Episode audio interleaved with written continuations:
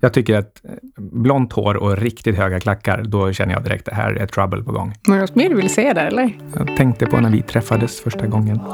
Det var inte så mycket trouble. Jag hade faktiskt inga klackar. Eller det kanske jag hade. Jo, det hade du.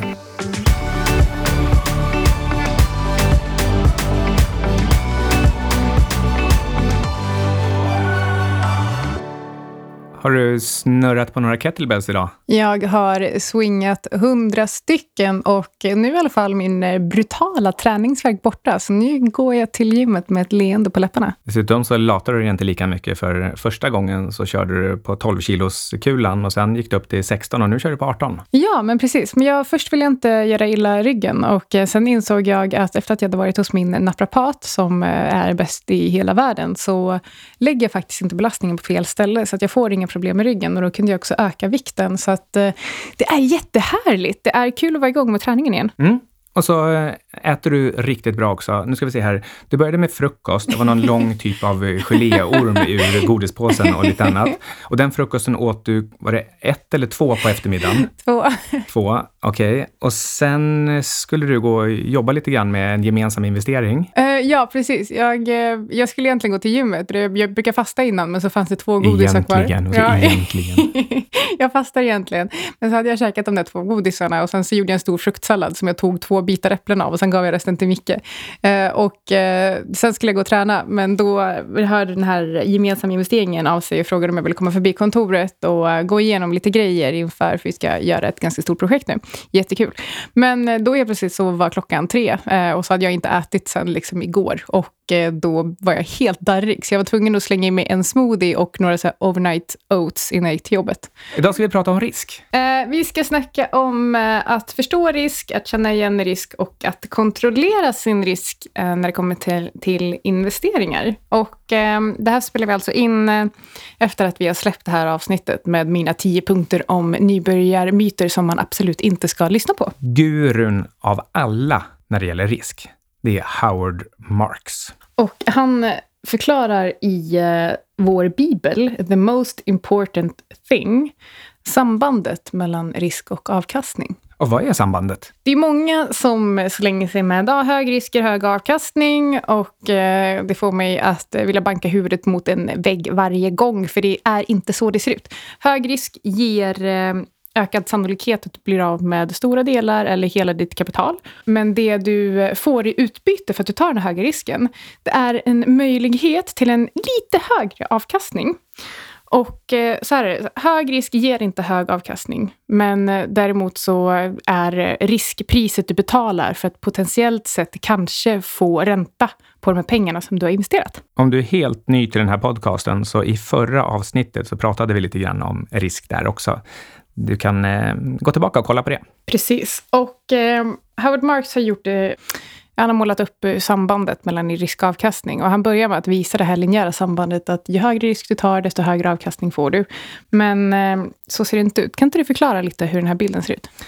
Ja, det är alltså vitt papper och svarta linjer på det här pappret.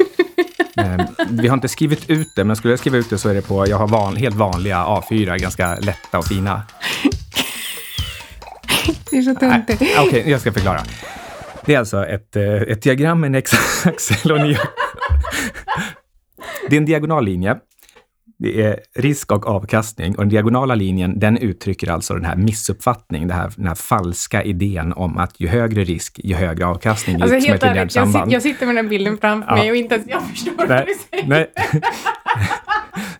men, men i grafen så är det också inritat märkliga krumelurer som ser ut som, som vertikala normalfördelningskurvor. De inte bara ser ut som det, de är det. Och, och vad, de, vad de här då är tänkt att illustrera, det är att ju högre risk du tar, det är inte så att det finns en punkt med hög avkastning som du får, utan vad du får är ett intervall. Tar du hög risk, då, då ser framtiden ut så att det finns ett stort intervall med olika utfall. Och ju högre risk du tar, du får både möjligheten att tjäna riktigt mycket pengar, men du får också möjlighet att faktiskt komma ner även under nollan och till och med förlora pengar. Så det är till och med så att hög risk, nej, det ger inte automatiskt hög avkastning. Det är till och med så att hög risk är egentligen det enda som ger en risk för att du till och med förlorar pengar. Mm, vad skönt att du eh, la ut eh, flera minuter av den här podcasten på att förklara det. Nu förstår vi typ konceptet risk och för de som inte är helt övertygade efter eh, Mickes utläggningar så finns det en massa inlägg på min blogg som vi kan länka till. Men eh, då ska vi prata lite om eh, hur man egentligen känner igen risk. Man kan eh, till exempel titta på marknadsklimatet och vi skulle istället för att titta på marknadsklimatet just nu så skulle vi kunna gå till 2005 till 2007, precis innan finanskrisen. Och eh, hur såg marknaden ut du som är gammal i gamet? Marknaden hade gått upp oerhört mycket sen efter eh, IT-kraschen. Så mellan 2002 och 2003 någon gång och eh, fram till 2005 till 2007 så pågick någonting som brukade kallas för BRIC-rallyt. Och det var att de här eh, lite större emerging markets, Brasilien, Ryssland och sådär, att de drog marknaden något enormt och den, sen pushades det här på av låga räntor och husprisuppgång så man kunde låna på huspriser och köpa ännu mer. Och i den här miljön så vande man sig så vid eh, hög avkastning att man trodde att aktiemarknaden var riskfri. Precis, så att vi eh, får en överoptimism.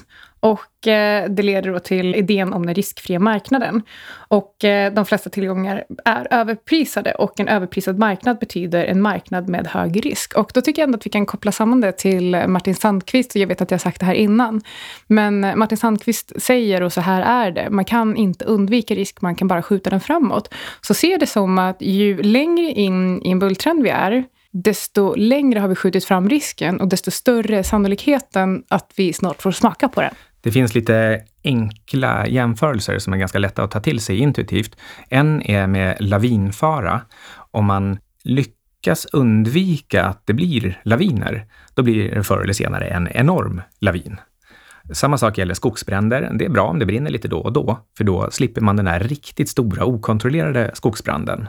Och till slut, även jordbävningar fungerar på det här sättet. Har det inte liksom fått skaka loss lite grann, då, eh, då är det så att det har sparats upp en jättebävning.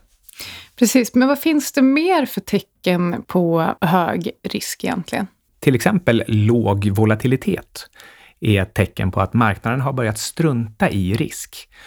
Och man, man köper på, på dips snabbare och snabbare för att man tror att risken har försvunnit. Och då är man inne på precis den här analogin till eh, till exempel jordbävningar. Att man, man undviker de här småbävningarna och då ser det ut som att det är helt lugnt och, och fine och skönt.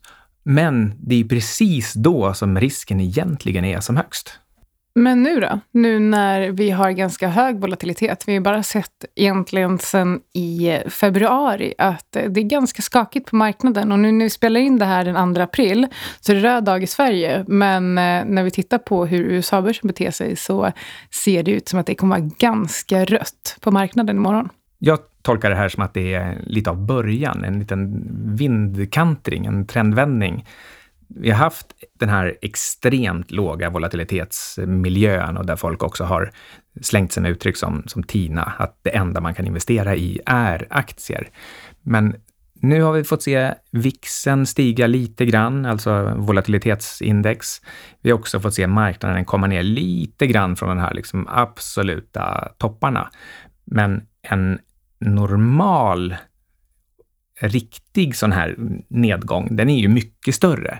Men det är precis så här det ofta ser ut när den börjar, när klimatet ändras och när folk, några i taget och sen allt fler, börjar få upp ögonen för att hmm, det kanske finns risk på marknaden trots allt. Man kanske inte alltid kan köpa dippen riskfritt.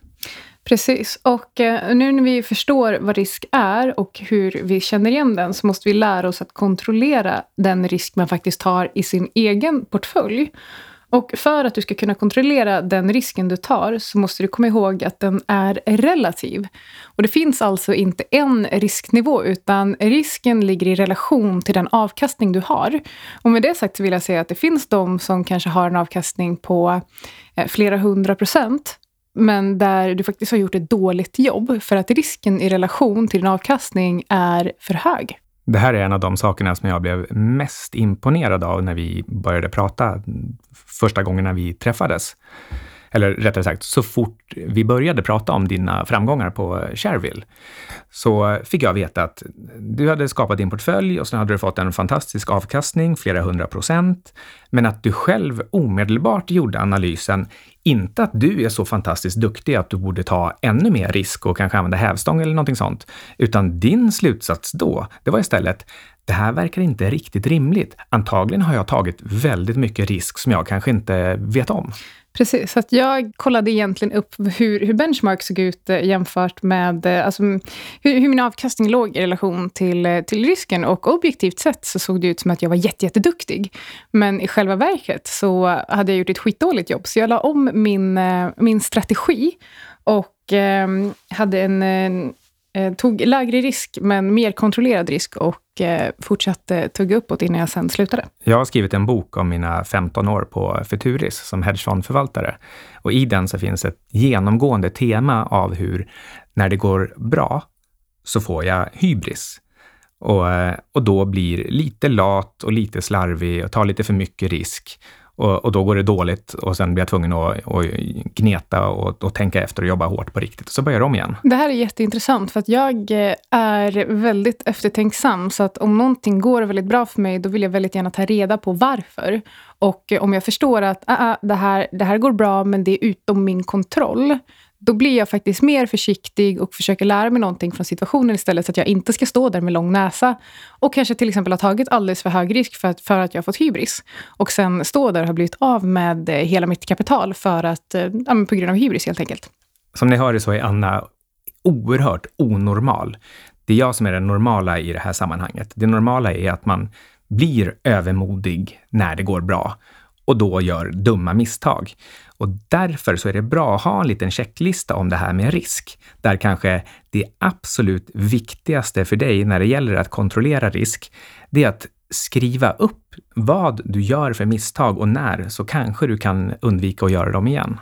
Precis, så man ska, du ska alltså älska att ha fel för att du ska använda dig av dina misstag för att bli en bättre investerare i framtiden. Och jag vill också säga att det som skiljer tur från skicklighet när just när det kommer till investeringar, för att det är ju jättemånga nu, framförallt när jag har haft en stark marknad i flera år, som har köpt fem bolag och så har, har de överpresterat marknaden och så tror de att det beror på att de är duktiga stockpickers, när det i själva verket faktiskt handlar om eh, tur. Och det som då skiljer tur från skicklighet är utvärdering och träning. Ja, det där var också en sån här sak som imponerade mig när vi pratade i början. Hur eh, du väldigt tidigt hade en eh, systematisk genomgång av vad du hade för skäl till dina investeringar och det ska då vara skäl som sen i efterhand kan användas för analys huruvida det man gjorde var, var bra eller dåligt. Och kanske framför allt så är det viktigt att skilja på bra och dåliga beslut respektive bra och dåliga utfall. För ett bra beslut leder inte alltid till ett bra utfall och ett dåligt beslut leder heller inte alltid till ett dåligt utfall. Precis, så när vi nu ändå ska prata lite om husguden Howard Marks så kanske vi ska säga att han säger till exempel att en av de absolut viktigaste sakerna man ska ha i åtanke när man investerar, det är att inte antag att det finns bara ett möjligt utfall eller två, utan räkna på alla möjliga utfall och var beredd på dem. Ha en exitstrategi. Men eh, när man faktiskt skapar värde, så oavsett om du har 5, 10, 15, 20 procents avkastning per år, månad, eller vecka eller dag eller hur bra, bra eller dålig du nu är, så säger det egentligen ingenting om hur duktig du är, utan värdet av dina investeringar, det är det du får över den risken du tar. Så att så länge din avkastning ligger i linje med den risken du har tagit, så är ditt resultat bara med. Men det är väl ändå pengarna som man har i handen i slutändan. Para, fett med para, som är det viktiga. Jo, eh, det kan man tycka. Men vad gör du den dagen som, eh, som din metod slutat fungera för att du faktiskt inte har en metod, utan bara hybris och tur? Ja, helt korrekt tänkt. Alltså det är verkligen så. Det är väldigt lätt att sitta där. Man kanske har haft tur om man har fått pengarna i handen. Och eh, att just då när det går bra, just när man sitter och tror att man har en metod, det är faktiskt då det är riktigt viktigt att eh, ifrågasätta, prata med, med sina värsta kritiker och försöka ta reda på åtminstone var det är man har fel. För någonting har man alltid fel om.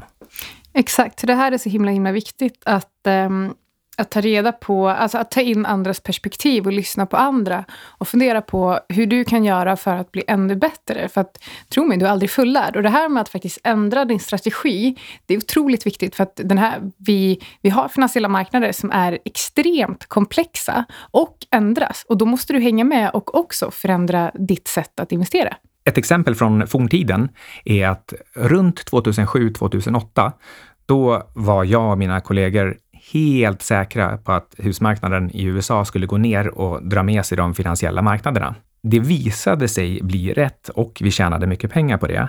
Men på samma sätt så var jag lika säker, låt oss säga 2014 i alla fall, på att nu är spelet över för konjunkturen den här gången och att alla de här eh, skuldbergen som byggts upp skulle tynga ner marknaden eh, och ekonomierna att det tveklöst var så. Och jag, jag var nog nästan ännu säkrare den här gången än jag var förra gången. För nu hade jag ju redan fått lära mig att, att det här är någonting man kan ha rätt om och att eh, fun funktionen ser ut så här. Men lärdomen av det här, det är egentligen att vi hade fel och tog dåliga beslut redan i den där eh, 2007-2008 eh, gången. För uppenbarligen så är det så att centralbankerna hade kunnat lyckas med sitt reptrick redan då och driva det här vidare uppåt i flera år. Men det jag tycker är viktigt att ta med sig från det här avsnittet när det kommer till risk, det är att eh, om du är säker på en investering, I am not uncertain. då har du inte gjort tillräckligt mycket research. Det du ska göra, det är att du ska försöka kartlägga alla möjliga utfall, eller i alla fall så många som möjligt. Och ha en strategi på, för olika utfall. Oavsett om det är att, eh, att det här instrumentet eller den här tillgången går upp eller ner. Så här, hur ska du agera? Gör, gör, alltså, om du investerar i ett bolag för att du vet att det ska fortsätta upp, då ska du inte investera i det här bolaget. Och om du blockar folk på Twitter som tycker annorlunda än du, ja då ska du verkligen vara eh, uppmärksam på vilka fel du gör. Precis. Så att eh, det viktigaste här är att eh, lär dig förstå vad risk är och lär dig att känna igen risk. Och sen lär dig att kontrollera din egen risk. Och försök pinpointa, om du nu, om du nu framför allt om det har gått bra för dig, försök ta reda på varför.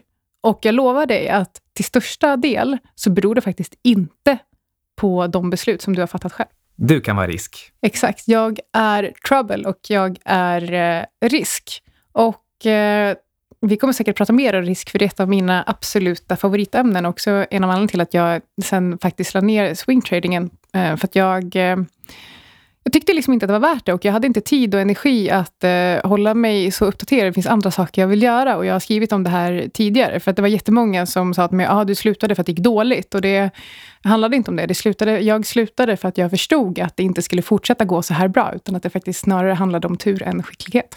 Och eftersom du sa att du är swinger så är det slut på det här avsnittet. Tack för att du har lyssnat på Outsiders. Så take it away, Anna.